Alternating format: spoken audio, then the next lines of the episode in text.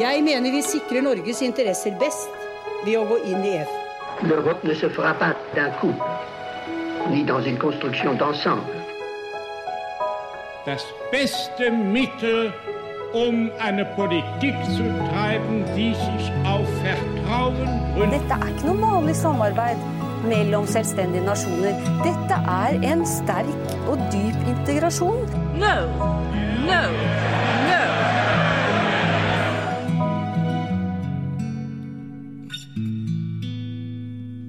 Velkommen til Det europeiske kvarter, en podkast om europeisk politikk og historie med Lise Rye og meg, Kristine Graneng, ved programmet for europastudier på NTNU. Og nå er det ganske lenge siden vi har spilt inn podkast, Lise. Ja, det er det absolutt, men vi har veldig mye å snakke om. Ja, det har vi. Eh, blant annet så har jo du gitt ut bok eh, i starten av sommeren. En kort introduksjon til EUs historie. Ja, det, har jeg. Det må vi snakke om. Eh, men det er jo også veldig mye annet som skjer. Absolutt, og, og viktigere ting enn en boka mi. Det må, jo, må jo også sies. Ja, en av de tingene som, eh, som, har skjedd den siste tida, og som på en måte oppsummerer en del av de eh, debattene som går i EU, det er jo eh, Ursula von der Leyens, kommisjonspresidentens, tale om unionens tilstand. Og hva er, hva er den talen, Lise? Ja, nei, den her State of the Union-talen, det er jo en årlig foreteelse. Altså hvert år i september så kommer presidenten for EU-kommisjonen til Europaparlamentet for å ja, gjøre opp status og legge fram prioriteringene for året fremover, og for så vidt videre fremover.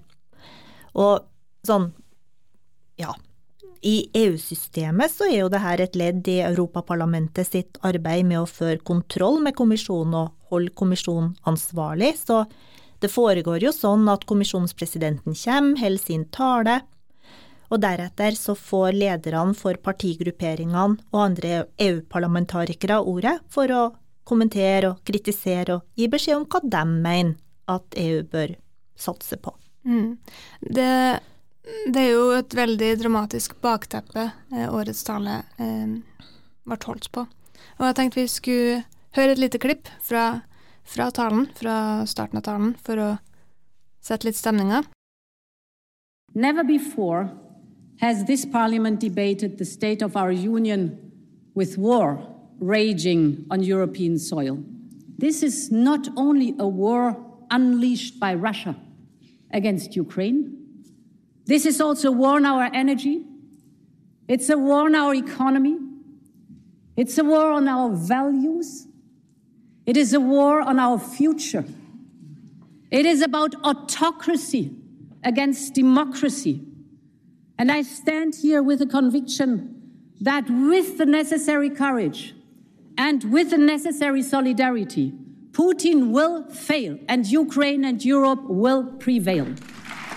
Det er en krig som eh, berører veldig mange områder av uh, europeiske liv. Det, det ja. det Ursula von der Leyen sier. Og det var ikke bare innholdet at krigen prega talen, det var også veldig tydelig i, i det rundt. Blant annet så, så um, hadde jo Ursula von der Leyen på seg klær i Ukraina sine farger, blått og gult. Ja, og det, det var ikke alene om. Det var også flere andre kommissærer som, som hadde. Og til stede i salen i Strasbourg så var Olena Zelenska, førstedama i Ukraina, som også ga eh, denne begivenheten veldig tyngde? Ja, absolutt. Ja, nei, det var en eh, Det var jo en anledning som var prega av veldig stort alvor eh, og, og sjølransakelse. Von der Leyen var jo tydelig på at vi burde ha lytta. Vi burde ha lytta, for det er jo ikke sånn at det har skorta på advarsler, blant annet fra de baltiske statene og ja, andre land i, i EU mm. Mm. om at Putin ikke kom til å stoppe. Ja. Vi snakka jo uh, litt om det i forrige episode av podkasten, om hvordan EU har forholdt seg til krisa, og at det var i starten av um, Eller etter 24. februar, så var det et EU som sto veldig samla, som, som agerte veldig fort. Ja. Ja, og det snakka jo for så vidt von der Leyen også om, at det var et veldig besluttsomt EU vi nå så, og at den raske responsen fra EU den skiller seg fra situasjonen som vi hadde når eh, pandemien brøt ut, hvor man brukte noen uker på å samle seg og få til en felles respons, og det skiller seg jo veldig fra situasjonen under finanskrisa, hvor man brukte år på å få til løsninger som kanskje ikke engang var veldig, veldig gode. Mm, også i 2015, da, da det kom mange flyktninger til, til Europa, og ja. EU ble Der har man vel strengt tatt ennå ikke funnet en løsning. Nei. Det skal vi snakke mer om seinere, men, men uh, vi skal forholde oss mest til de temaene som var høgst på dagsordenen i, i, i, talen, og da var det jo energi som um, ja. etter krigen i Ukraina var og det er veldig klar sammenheng mellom temaene, men, mm. men, det er det temaet som von der Leyen kom inn på som nummer to. Og det er jo også det som har fått mest dekning i, i norske medier. Ja, ja, nei, von der Leyen jo, la jo fram EU sine planer på kort sikt, mellomlang sikt og lang sikt. Hvordan man skal spare energi, hvordan man skal bygge opp felles gasslagre, hvordan man skal sette et tak på gassprisene. Og det er jo da her vi kommer i liksom, interaksjon med den norske debatten. Mm. Vi skal høre et lite klipp fra ja. den delen av talen også. This is why we are proposing a cap on the revenues of companies that produce electricity at low costs. These companies are making revenues they never accounted for, they never even dreamt of. And don't get me wrong, in our social market economy, profits are okay, they are good. But in these times, it is wrong to receive extraordinary record revenues and profits benefiting from war and on the back of our consumers. In these times, profits must be shared and channeled to those who need it most. Ganske tydelig beskjed fra von der Leyen om uh, mulighetene for å hente ut profitt fra den situasjonen som er, uh, ja. er nå. Ja, veldig klart har det. Man skal ikke profitere på denne krigen sier og, og, ikke på bekostning av forbrukerne. Um, det her er jo et tema som får en del eh, dekning i Norge, og som har blitt mye diskutert. Og det, det er flere ulike ting som blir diskutert eh, i denne debatten. Um, og jeg må bare si at jeg er ikke noen ekspert på energipolitikk. Jeg syns det er et ganske vanskelig felt. Men det er jo en del prinsipielle spørsmål som er ganske interessante i denne debatten også. Og da tenker jeg særlig på det med solidaritet, og, og hvorvidt man, man mener at uh, at utgangspunktet for norsk politikk og norsk energipolitikk er å sikre lave strømpriser, sikre eh, eh, strøm energisikkerhet eh, for Norge, eller om man også har et ansvar for å, for å følge opp den situasjonen som er i, Europa nå, og, og, på en måte bøte på, på, på situasjonen. Ja, ehm, det er jo det er komplekst, det her. Eh, for det første så har vi jo helt ulike utgangspunkt. I Norge har vi vært vant til å ha rikelig tilgang på billig strøm, og det har gjort at vi er vant til å bruke mye mer strøm enn hva mennesker lenger ned sør i Europa er. Og det har, som du sier, vært et mål å forsyne industrien med billig strøm. Det har vært en forutsetning for mye norsk industriutvikling. Og så er vi da nå i en situasjon hvor, som, er, som, er helt, som, er, ganske prekær, og hvor veldig mange uheldige omstendigheter slår til på én gang. Du har ø, krigen i Ukraina først og fremst, selvfølgelig, men du har jo òg andre faktorer som, uh, som ekstrem ø, hetebølge, Eh, behov for å renovere atomkraftverk i et land og en beslutning om å stenge dem ned i et annet. Det er veldig mange faktorer som har gjort at man har kommet i en sånn vanskelig situasjon. Eh, og da blir det jo et spørsmål også for oss i Norge, da, om vi skal prioritere oss sjøl, eller om vi skal stå solidarisk med vårt viktigste marked, eller ikke. Det var en veldig ledende avslutning. Ja, ja, det var egentlig det, da, fordi at eh, i Norge så er vi stort sett, ikke alltid, vi importerer også strøm. Eh, men som regel er vi selvforsynt eh, med strøm. Men det er jo også omtrent det eneste vi er selvforsynt med. Altså vi er et land som, Det var noen som sa at vi er et land som selger omtrent alt vi produserer, og vi importerer omtrent alt vi trenger. Vi, eh, mat, for eksempel. Under halvparten av maten vi forbruker er for eksempel produsert i Norge. Vi er godt over gjennomsnittet avhengig av handel med utlandet. Og da får vel hver og en av oss, tenker jeg, uh, vurdere hva som er klokt å gjøre i en sånn sammenheng. Mm. Det er jo også en, en, debatt som handler om hva man har muligheter til å gjøre. Uh, det er jo det har vært mye snakk om eh, handlingsrommet også i denne sammenhengen, i, i det, den tilknytninga man har til EU. Absolutt. Det er jo sånn at det er jo veldig mye som har endra seg siden vi fikk vår EØS-avtale, bl.a. det at EU er i ferd med å utvikle et felles energimarked. Um, det, den prosessen hadde ikke starta når vi vedtok EØS-avtalen, men det må jo sies at i Norge så hadde vi jo starta liberaliseringa av energisektoren tidligere året forut, da. Mm. Um, men, men tilbake til det med handlingsrommet. Eh, det er jo en diskusjon, og det er vel NVE som har eh, jobba med å undersøke altså hva som kan være grunnlag for å begrense eksporten til EU. For det er jo sånn, vi, vi trenger jo strøm i Norge òg. Og da tror jeg at de konkluderte med at høye priser i seg sjøl er ikke grunnlag for å eh, redusere eksporten, men kanskje kan hensynet til forsyningssikkerhet være, være det. Jeg tenker at det er jo prisen på strøm som har satt fyr på denne debatten mm. om eh, Og det, det, er jo også et spørsmål om um, hvilke muligheter man har for å gi strømstøtte?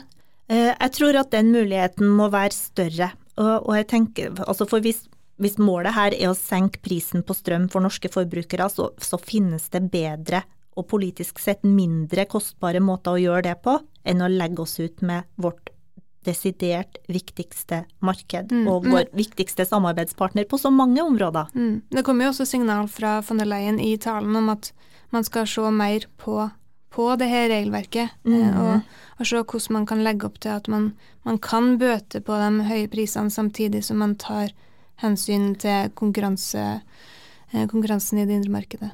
Ja, ja. Eh, jeg så også at eh, Sverige, Finland og Danmark var ute i en felles pressemelding og var bekymra, dypt bekymra, eh, over sånne forslag om kapasitetsreduksjon da, i eksport av norsk, norsk strøm. Mm. Dette er ikke et tema som kommer til å forsvinne med det første. Um, det er jo en del sånn, viktige møter som skal skje, skje fremover, som det er viktig å følge med på. Men vi må snakke om et annet tema også, som eh, von der Leyen eh, tok opp i talen sin, eh, og som har blitt mye diskutert i selv i helga, og det er det som handler om demokrati og rettsstatsprinsipper. Og vi skal høre et lite klipp igjen. For more than 70 years, our continent has marched towards democracy. But the gains of our long journey are not assured. And many of us have taken democracy for granted for too long, especially those who, like me, who have never experienced what it means to live under the fist of an authoritarian regime. Today, we all see that we must fight for our democracies. Every single day, every single minute. We must protect them both from the external threats they face but also from the vice that corrode them from within. It is my Commission's duty and the most noble role to protect the rule of law. So let me assure you, we will keep insisting on judicial independence. And we will make sure that we protect our budget through the conditionality mechanism.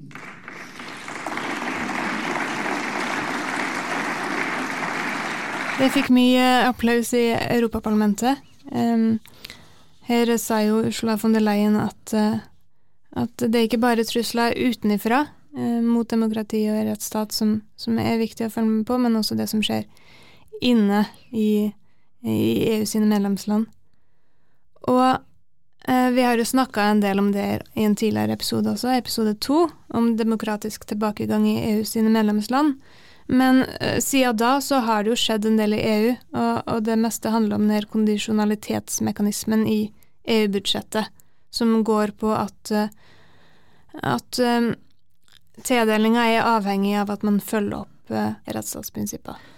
Ja, ja, det stemmer. EU har gitt seg sjøl noen flere redskap i det siste som gjør EU i stand til å reagere overfor land som bryter med de grunnleggende verdiene som EU er bygd på. Eh, og så kan man jo diskutere hvor, hvor effektiv de her eh, mekanismene vil være, men det, det vet vi jo egentlig ikke så mye om ennå, da. Nei, men jeg tror det største spørsmålet er jo hvor, eh, hvorvidt de blir tatt i bruk på en god måte.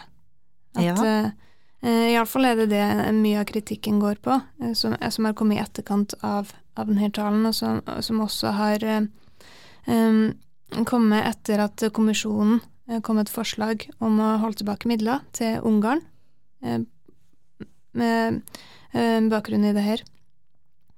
Og, og eh, kommisjonen foreslår altså kutt i tildelingene til Ungarn eh, over EU-budsjettet på grunnlag eh, mye på grunn av eh, frykt for korrupsjon, altså misbruk av midlene.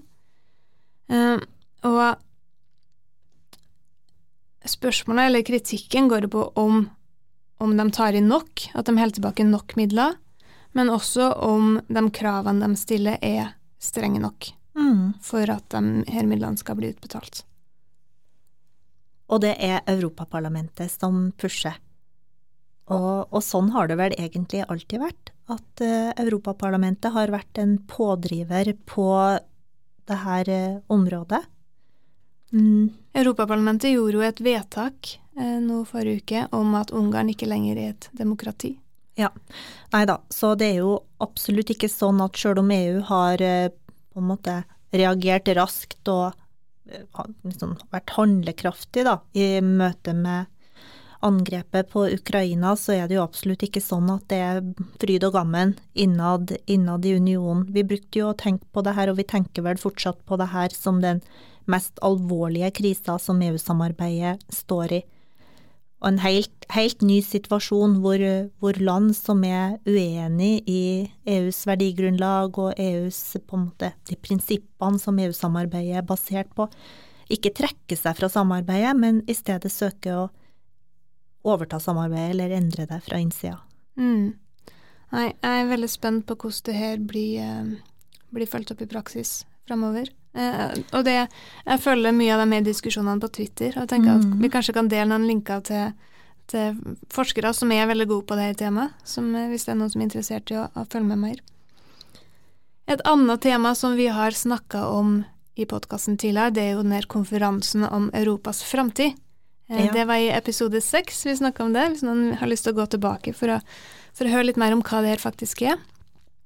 Men det var jo knytta en del spenning til talen til Ursula von der Leyen, fordi hun skulle følge opp resultatene fra, fra denne konferansen. Mm.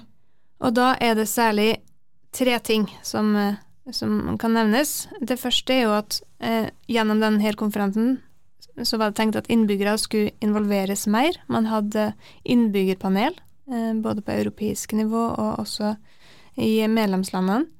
Og det annonserte eh, von der Leyen at nå skulle bli en fast del av, eh, av EU. Så var det oppfølging av konkrete saker. Eh, hun nevnte spesielt mental helse som, som Ja. noe EU skal følge opp. Men det som kanskje er mest spennende, eh, syns jeg da iallfall Eller vanskelig. Ja, og vanskelig, det er det at hun sa at nå er det tid for traktatforhandlinger. Eh, og hvorfor er det vanskelig, Lise? Mhm. Eh, Av flere grunner tenker jeg dels fordi at landene er såpass uenige om det som de er, men òg av kapasitetshensyn. At det er veldig mye som skjer i EU-samarbeidet nå, og det er veldig mye som, som, som må skje. Og, eh, så det er litt, litt I utgangspunktet litt vanskelig å se for seg at det er et godt tidspunkt å gå i gang med traktatforhandlinger. Mm.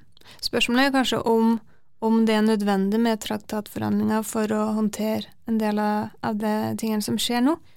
Eh, det, det Ursula von der Leyen sa, det følger jo opp eh, ei fransk-tysk linje. Eh, Olaf Scholz han holdt en tale i slutten av august i Praha, der han var tydelig på at det var Også han sa at det var tid for å, å eh, forhandle om traktatgrunnlaget, eh, blant annet eh, reform av beslutningsmekanismene i utenrikspolitikken, muligheter for sanksjoner, eh, men også på skatteområdet, og, og han ønska også endring av, av, eh, systemet for valg til Europaparlamentet i en, mer, eh, en retning som mer gjenspeiler befolkningstallet i, i EU.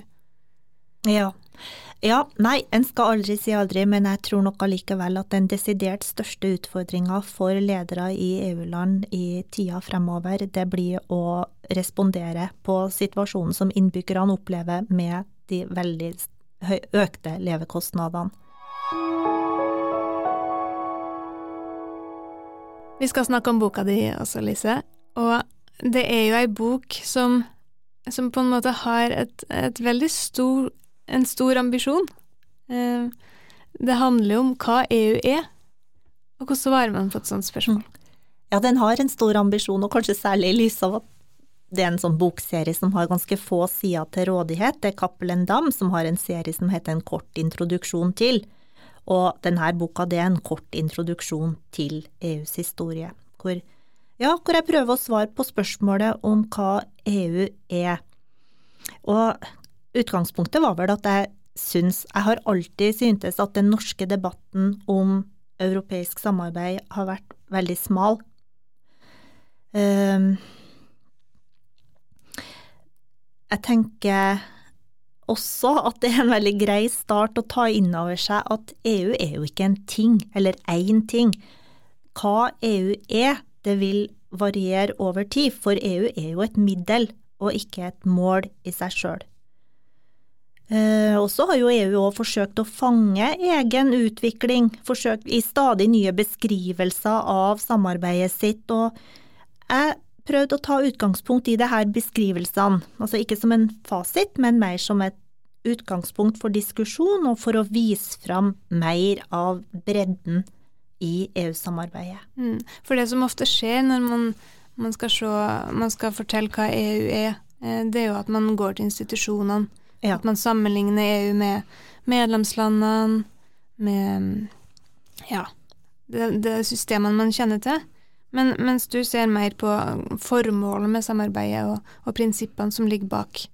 Ja, og hvordan, eh, hvordan det har utvikla seg over tid, og hvordan EU i dag er forma av beslutninger og hendelser som ofte ligger langt tilbake, da. Jeg tenker, Vi kan jo gå tilbake til starten, for et av, et av de viktigste målene med, med EU i den spede begynnelse, eh, før det, før det ble EU, da, det var jo å sikre fred i Europa. Og det skriver du om i et av kapitlene. Ja, det skriver jeg om. Uh, altså når EU-samarbeidet starta, det er faktisk 70 år siden i år, uh, så ble det jo presentert som et uh, fredsprosjekt. Um, og nå kan du jo for så vidt si at det har fått ny, ny aktualitet. At EU um, det her behovet for å kjempe for, for demokrati og frihet og fred, det er det er igjen helt mer aktuelt enn noe annet. Men ja, jeg prøver jo å diskutere fredsprosjektet. Er EU et fredsprosjekt, og hvordan har det utvikla seg over tid? Og svaret jeg gir, er jo at eh, det vil avhenge av hvilket perspektiv du legger til grunn. Når Nobelkomiteen ga fredsprisen til EU i 2012, så fikk de veldig mye kritikk. For det var jo når EU sto i en dyp økonomisk og etter hvert sosial og politisk krise.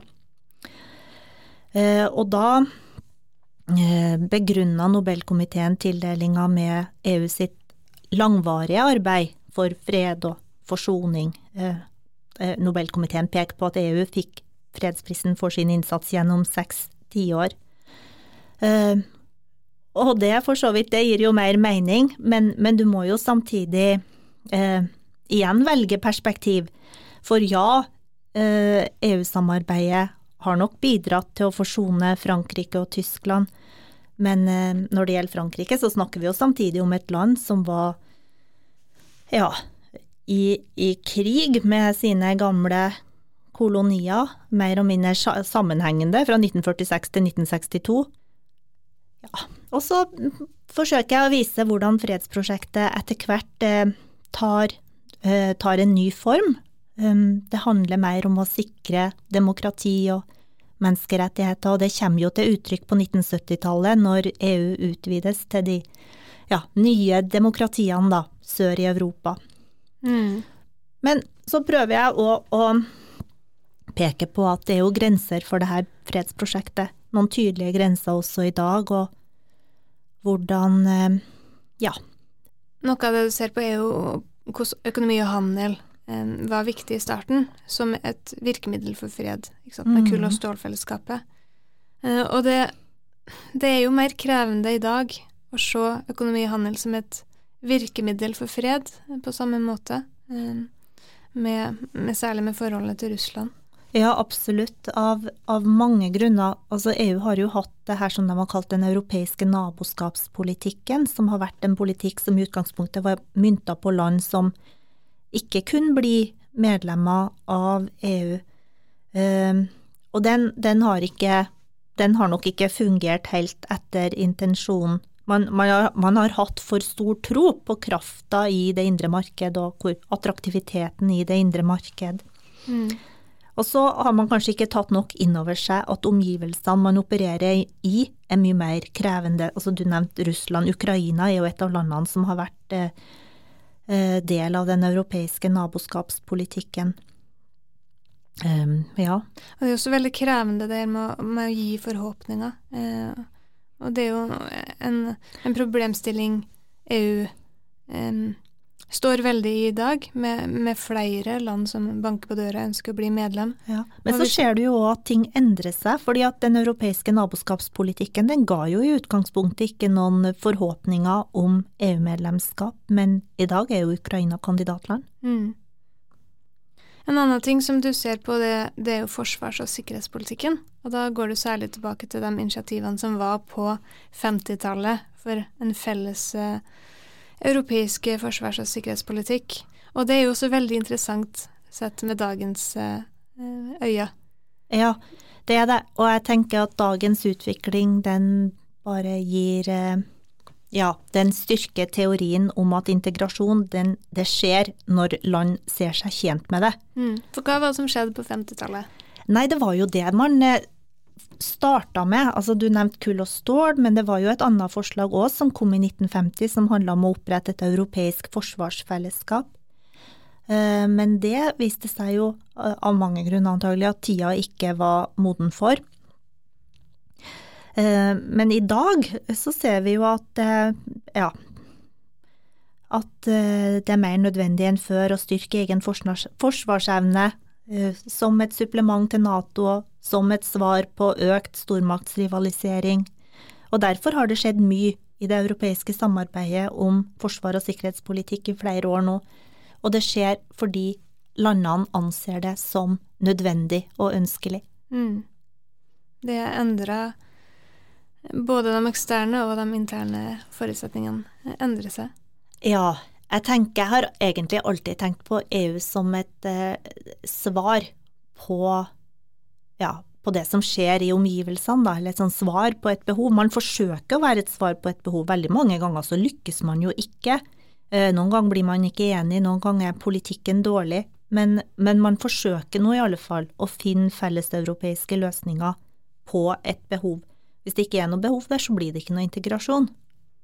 Eh, I boka di så, så, har du jo også et ganske norsk blikk på EU. Du bruker en del eksempel fra Norge for å illustrere utviklinga, og hvordan eh, det også har konsekvenser for, for Norge. Eh, og et av kapitlene dine handler om EU som et rettighetsfellesskap.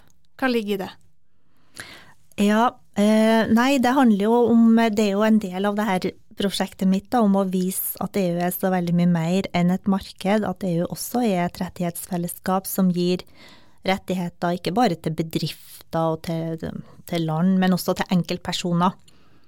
Uh, og en av de sakene som jeg bruker for å få fram det poenget, er Finnanger-saken som verserte lenge i det norske rettsapparatet på, ja, på 90-tallet, 2000-tallet. Og denne Finnanger-saken, den handla jo Utgangspunktet var jo ei jente fra Trøndelag her som ble hardt skada i ei trafikkulykke. Og fordi hun hadde sittet på med en sjåfør som hun visste hadde promille, så ble erstatninga hennes avkorta. Og det var helt i pakt med, med norsk regelverk. Eh, men det viste seg da etter lang, lang kamp i rettssystemet at eh, det var jo ikke i pakt med EU-lovgivning, som Norge gjennom EØS-avtalen var forplikta til å følge. Så jeg tenker på den Finanger-saken som en sånn tidlig versjon av Nav-skandalen, mm. som er mm. mye bedre kjent for oss i dag. Ja. Jeg ble nesten litt sjokkert da jeg la som Finanger-saken, fordi det er jo en sak som hadde veldig store konsekvenser. Eh, staten ja. ble dømt til å betale erstatning. Ja, og det var mange, det var mange mennesker som var berørt av, av ja, utfallet av de rettssakene. Mm. Og så Nav-skandalen, eller trygdeskandalen, viser jo at det her har store konsekvenser for, for enkeltpersoner, for, for mm. livene til folk. Mm. Absolutt. Så det er en sånn eh, blindsone der, som var begrepet, det veldig gode begrepet som det utvalget som så på Nav-skandalen eh, brukt for å beskrive situasjonen. Mm. Hva tror du det er som gjør at, at vi har den blindsonen? Jeg tror det handler litt om hvordan vi har forholdt oss til EU over tid. For Norge har jo forholdt seg til EU veldig lenge, helt siden tidlig på 1960-tallet, eh, men i veldig mange år, i tre tiår, så vil jeg si at Norge forholdt seg, norske politikere, forholdt seg konsekvent til EU som et marked. Når norske regjeringer skulle selge inn eh, beslutningene om å søke medlemskap i EU til innbyggerne, så, så, var argumentet alltid at vi måtte med i EU for å sikre adgang til vår, ja, vårt viktigste marked. Mm, så sikre at bedrifter får til å operere i det her markedet? Ja, altså man tegna et bilde av noe som handla om økonomi. Altså mm. det indre marked, det var jo det vi slutta oss til etter hvert, og med EØS-avtalen mm. var det som ble løfta fram. Og jeg tror at det har gitt kanskje et for, eller det har gitt et for snevert syn på hva EU er. For i Norge så var vi egentlig aldri noe interessert i det politiske prosjektet. Det som er sikkert, er jo at EU-samarbeidet alltid har gitt rettigheter til enkeltmennesker. Helt fra starten av, men da gjaldt det bare ja, arbeidere som dro til et annet land for å, for å jobbe, eller ja, som fikk tilgang på utdanning og omskolering osv. Men etter hvert så ble de her rettighetene til utvida til å gjelde alle borgere, og via EØS-avtalen så kommer noen av dem oss til gode.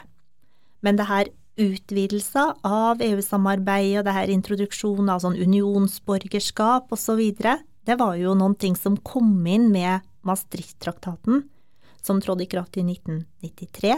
Da hadde vi signert EØS-avtalen året i forveien, da hadde vi på en måte slått oss til ro med det. Da hadde vi fått den her markedsadgangen, vi hadde fått det vi ba om, og var ikke så veldig interessert i de øvrige delene av samarbeidet. Det har endra seg. Ja. Og, og, vi ser det jo også i dag at mye av, av debatten handler om nettopp EØS og hvilke konsekvenser det har for markedsadgang og ja, ja, vi gjør det. Vi var jo litt inn på det i stad i forbindelse med energi. Vi har en norsk debatt som ja, handler om hvorvidt vi kan på en måte beskytte oss eller skjerme oss fra det markedssamarbeidet med EU på energiområdet, mens den debatten som går i EU, i, i langt større grad er prega av eh, behovet for å være solidarisk. Man ser på denne krisa i et Flere ser den i et større perspektiv. Mm. Men det er, det, det er, jo det, som ligger i EU sitt mandat også, å tenke, tenk på det i en europeisk målestokk. Ja, EU er et politisk prosjekt, og det politiske prosjektet står vi utafor. Mm. Du skriver også om EU som verdifellesskap. Eh, det enda et av dem. Jeg tror det er ni forskjellige vinklinger du har på, på EU-prosjektet. Ja.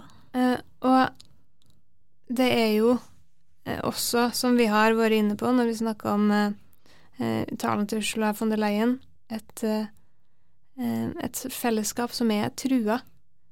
Eh, du har jo i Lisboa-traktaten så har du jo en liste over EUs verdier, mm. og demokrati og retts, mm. rettsstat er jo sentralt der. Ja, du veit at når EU-samarbeidet starta, du finner ingenting om, eh, om demokrati i de her første traktatene.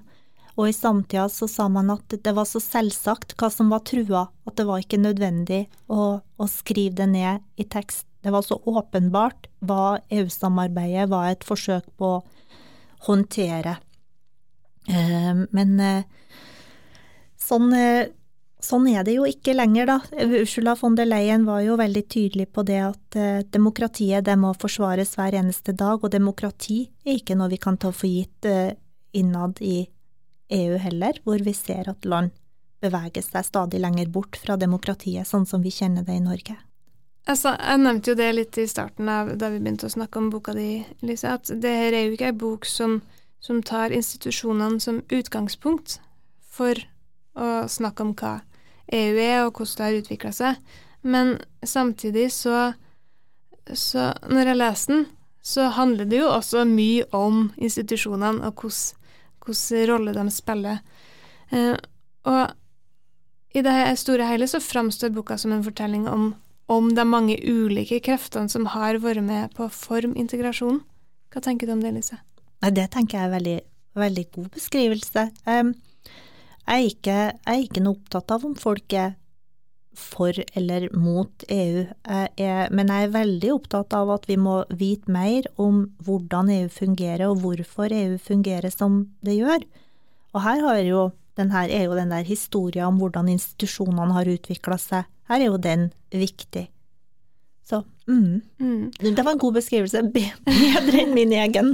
Nei, det vet jeg ikke, da. Men vi har jo, eh, også da vi snakka om talen i starten av episoden, så var vi jo inn på Eh, hvordan det er motsetninger mellom interessene til kommisjonen eh, og parlamentet, og så har du rådet, som også har ulike interesser. Men en ting som vi ikke snakker om så ofte når vi ser på dag-til-dag-politikken i EU, eh, det er jo den rollen som domstolen spiller. Mm. Og det er også veldig tydelig i boka di. Ja.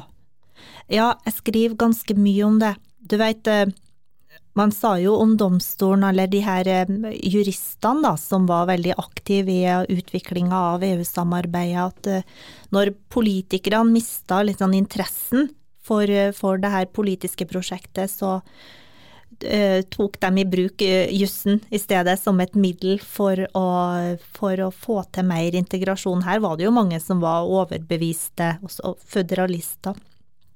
Så domstolen spiller helt klart en viktig rolle i utviklinga av EU og i EU-samarbeidet i dag. Mm. Nå er jeg litt uh, biased, skal jeg si, ikke helt objektiv, men jeg syns det, det ble ei veldig fin bok, Lise, som, som veldig viser uh, de ulike, um, ulike sidene av EU-prosjektet. Og jeg tror det, det er veldig viktig uh, i en norsk sammenheng at vi klarer å, breie ut bildet, som det også viser helt konkret med, med de skandalene som har vært. Vi trenger, vi trenger å bedre forstå eh, de ulike sidene av, av, EU, og hvordan det utspiller seg i praksis, men også hvilke prinsipper som ligger bak. Så jeg håper jo veldig at det er mange som plukker opp denne boka og, og blir med på den debatten. Tusen takk.